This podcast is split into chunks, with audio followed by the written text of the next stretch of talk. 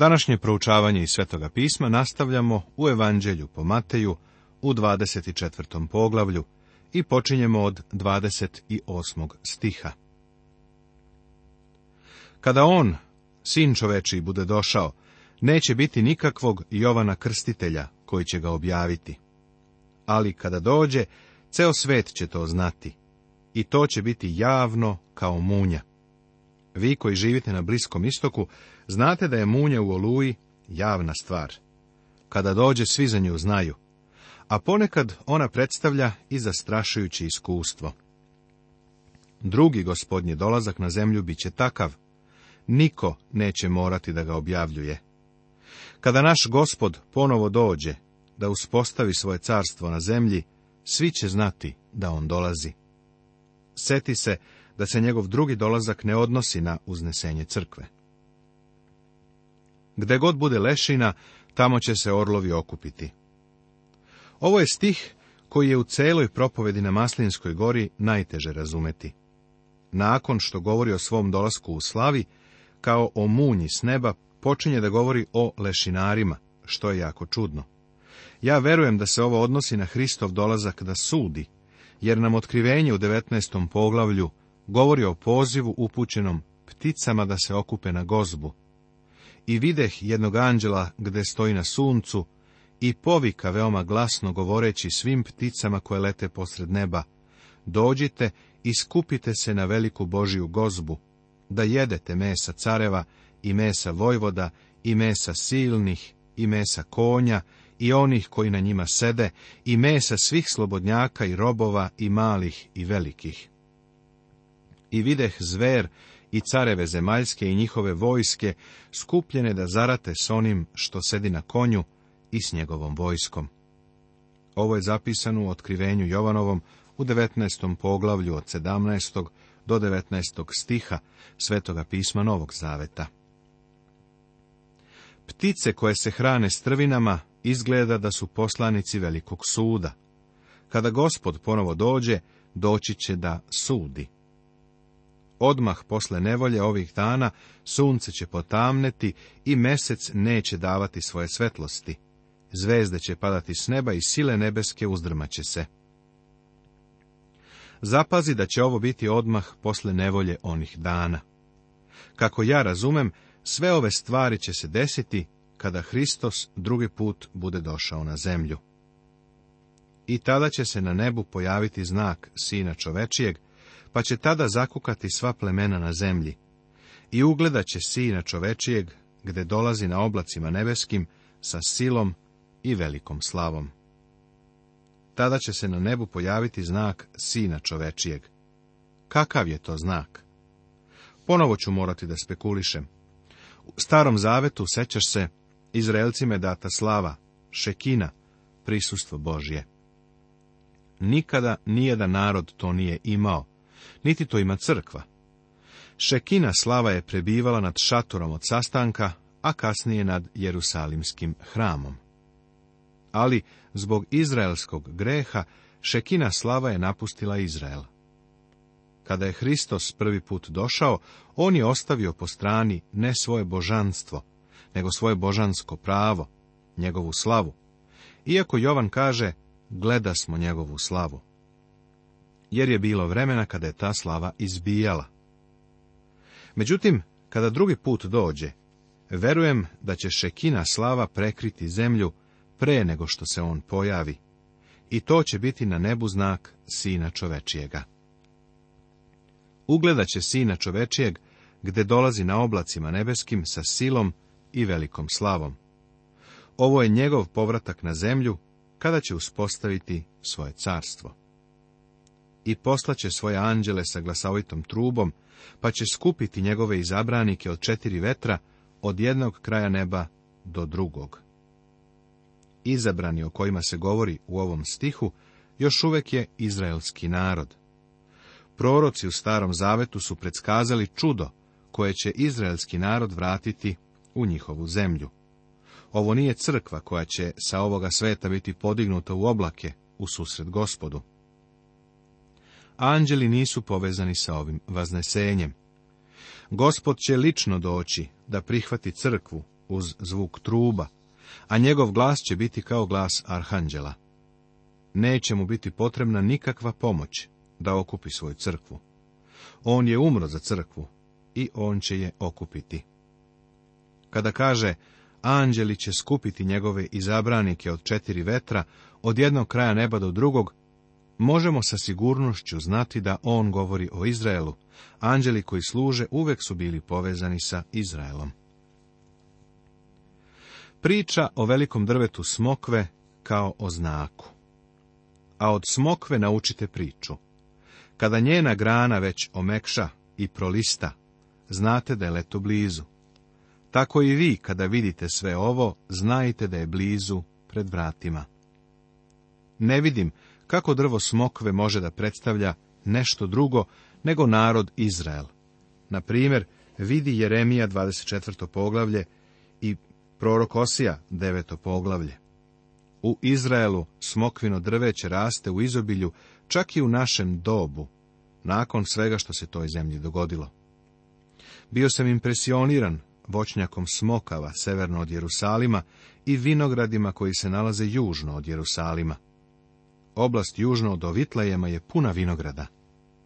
Smokvino drveće i vinova loza predstavljaju tu zemlju, a ja verujem da gospod koristi drvo smokve kao simbol te zemlje. Zaista vam kažem da ovaj naraštaj neće proći dok se sve ovo ne zbude. Ovaj naraštaj, grčka reč, može da ima značenje rase i da se odnosi na Izrael ili može da se odnosi na naraštaj koji će živeti u vreme kada se ta predskazanja budu ispunjavala. Računa se da jedna generacija traja oko 20 godina, a događaji predviđeni ovim odeljkom odigraće se u mnogo kraćem vremenu nego što je 20 godina. Smatram da se ovo može odnositi i na jedno i na drugo, ali se meni mnogo više sviđa tumačenje po kome se ovo odnosi na očuvanje jevrejske rase. Aman nije uspeo da ih uništi, kao ni faraon, niti je Hitler uspeo u takvom pokušaju. I nikakav diktator našeg vremena neće moći da istrebi ovaj narod. Bog će se zato postarati. Nebo i zemlja će proći, ali moje reči neće proći. On kaže, ne možeš prenaglasiti ono što sam rekao, jer nebo i zemlja će proći, ali moje reči neće proći. Nebo i zemlja će proći i nastaće novo nebo i nova zemlja. Ovo je zapisano u Jovanovom otkrivenju 21. poglavlju 1. stihu Svetoga pisma Novog Zaveta. Ali on neće promeniti svoju reč. Ona će ostati kroz sva večna vremena. A o onom danu i času niko ne zna. I anđeli nebeski, nego samo otac. Iako će oni znati da se to doba približava, neće znati ni dan, ni čas. Obzirom da u našem dobu ima tako mnogo ljudi koji su se trudili da ukažu na vreme Hristovog povratka, mišljenja sam da će u tom budućem vremenu biti nekih ljudi koji će pokušavati da odgonetnu taj čas. Ali niko neće znati ni dan, ni čas. A on će kao ilustraciju upotrebiti Noja, kao dani Nojevi, tako će biti dolazak Sina čovečijeg. Hristos će doći u dan koji će biti nalik Nojevim danima. Jer, kao što su u dane pred potopom jeli i pili, ženili se i udavali, do dana kada Noje uđe u kovčeg, i nisu znali dok ne dođe potop i sve odnese, tako će biti i dolazak Sina čovečijeg. E sada, Nojevi dani su bili obeleženi velikim nemoralom. Svaka misao i zamisao njihovog srca bila je stalno zla. Ovo nam je zapisano u šestom polavlju knjige postanja. A gospod kaže da će se njegov dolazak desiti u danima koji su nalik na nojeve dane, a spominje samo da su oni jeli i pili. Da li nešto nije u redu sa jelom i pićem? Ne. Rečeno nam je da što god da radimo, bez obzira da li jedemo ili pijemo ili nešto drugo radimo, sve to treba da je na slavu Božju. Međutim, ljudi iz Nojevog doba nisu ni jeli, ni pili na slavu Bogu. U stvari živjeli su kao da Bog i ne postoji. U našem dobu mnogo je ljudi koji tri puta dnevno primaju obrok koji dolazi iz Božje ruke, dok milioni drugih umiru od gladi, ali oni nikad ni ne pomisle da zahvale Bogu u budućnosti bit će pred samim Hristovim dolaskom, a živeće kao da se to nikada neće ni desiti. Tako su se i ljudi u Noevo doba ženili i udavali. Gospod naravno ne kaže da je brak loš. Njegova poenta je da su oni Božija upozorenja data preko Noja u potpunosti odbacivali i nastavljali su po svome. Ženili su se, možda su imali čak i crkvena venčanja, sve do dana kada je Noje ušao u barku. Živeli su kao da Boga nema.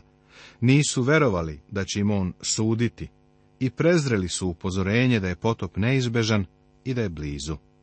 I nisu znali dok ne dođe potop i sve odnese, tako će biti i dolazak sina čovečijeg.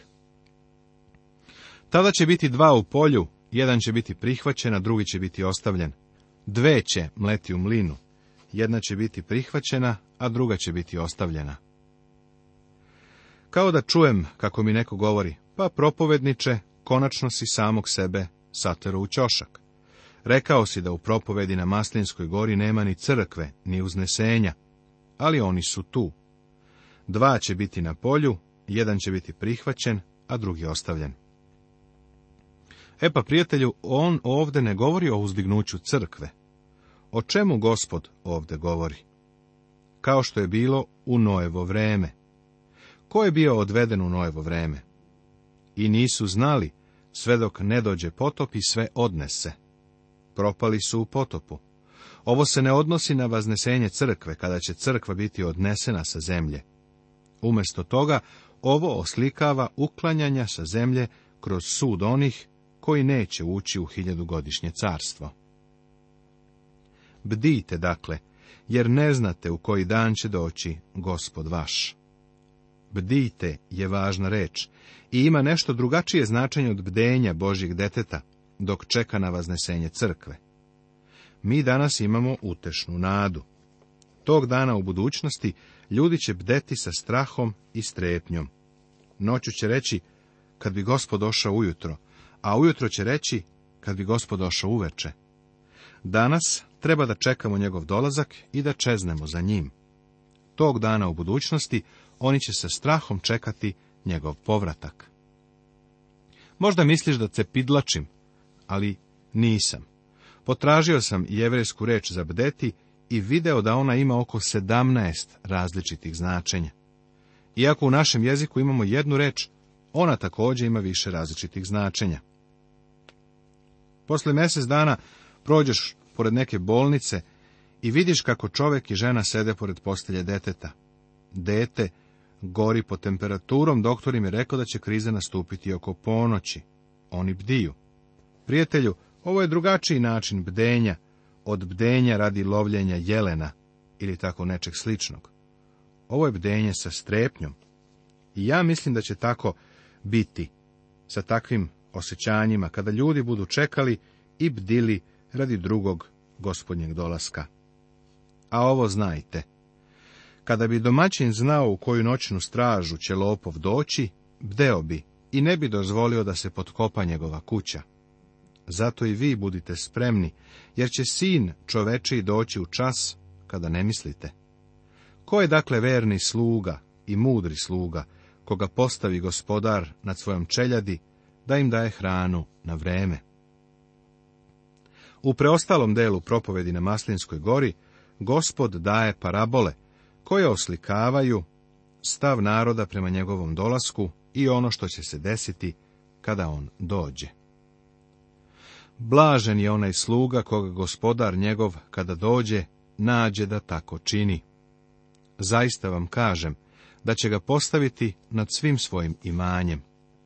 Ako pak onaj rđavi sluga kaže u svom srcu, moj gospodar će se dugo zadržati, te počne tući svoje drugove u službi, i jesti, i piti sa pijanicama, doći će gospodar onoga sluge u dan kada ne očekuje i u čas koji ne zna, pa će ga preseći i staviti među licemere. Onda će biti plač i škrgut zuba. Ova parabola osvetljava stav nekih ljudi u tom budućem vremenu.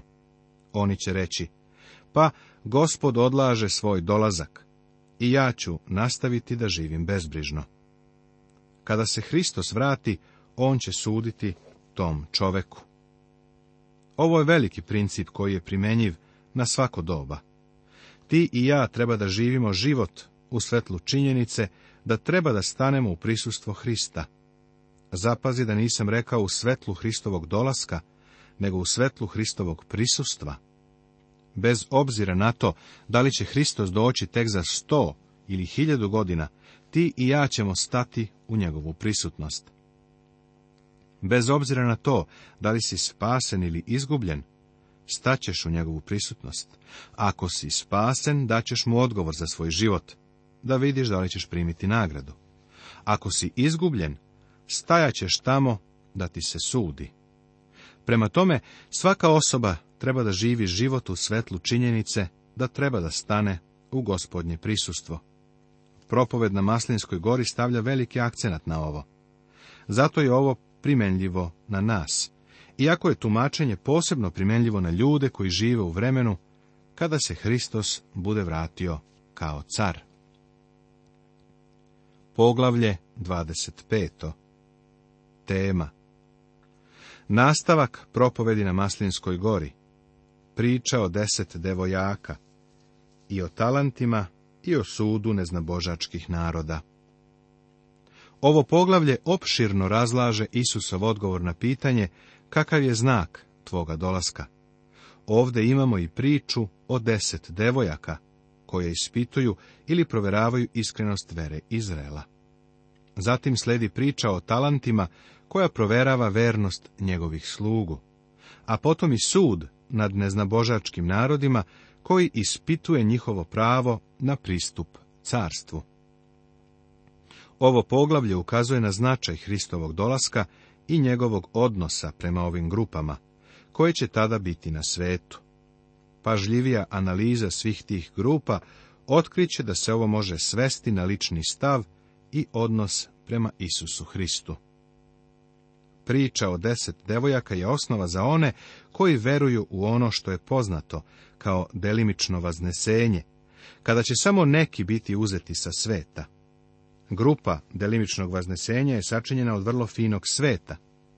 Kada sam tek postao pastir u Nešvilu, u državi Tenesi u Sjedinjenim državama, tu je bilo divno odeljenje za proučavanje Biblije. Oni su mi pomagali da organizujem biblijske konferencije. Od samog početka ljude u grupi je podučavao učitelj koji je verovao u delimično uzdignuće crkve. Iskreno govoreći, mislim da je teorija delimičnog vaznesenja, odnosno uzdignuća, i da služi duhovnom snobizmu. Nikada nisam sreo nikog iz te grupe koji nije mislio da je baš on sa onih pet mudrih devojaka. U stvari, nikada u svom životu nisam sreo nekoga koje je smatrao da je grupi sa ludim devojkama. U to vreme sam bio mlad propovednik i dok sam radio sa njima, imao sam osjećaj da oni nisu bili sigurni da sam ja jedan od njih. Sumnjao sam da su me svrstali kao jednu od ludih devojaka. Zahvaljujem Bogu, e, da iskoristim ono malo pre... Zahvaljujem Bogu da kada se uzdignuće desi, Svaki vernik će otići i nećemo ići na osnovu zasluga. Svi ćemo otići radi Božje blagodati. On nas spasava blagodaću, održava nas blagodaću, uzeće nas sa ovog sveta blagodaću.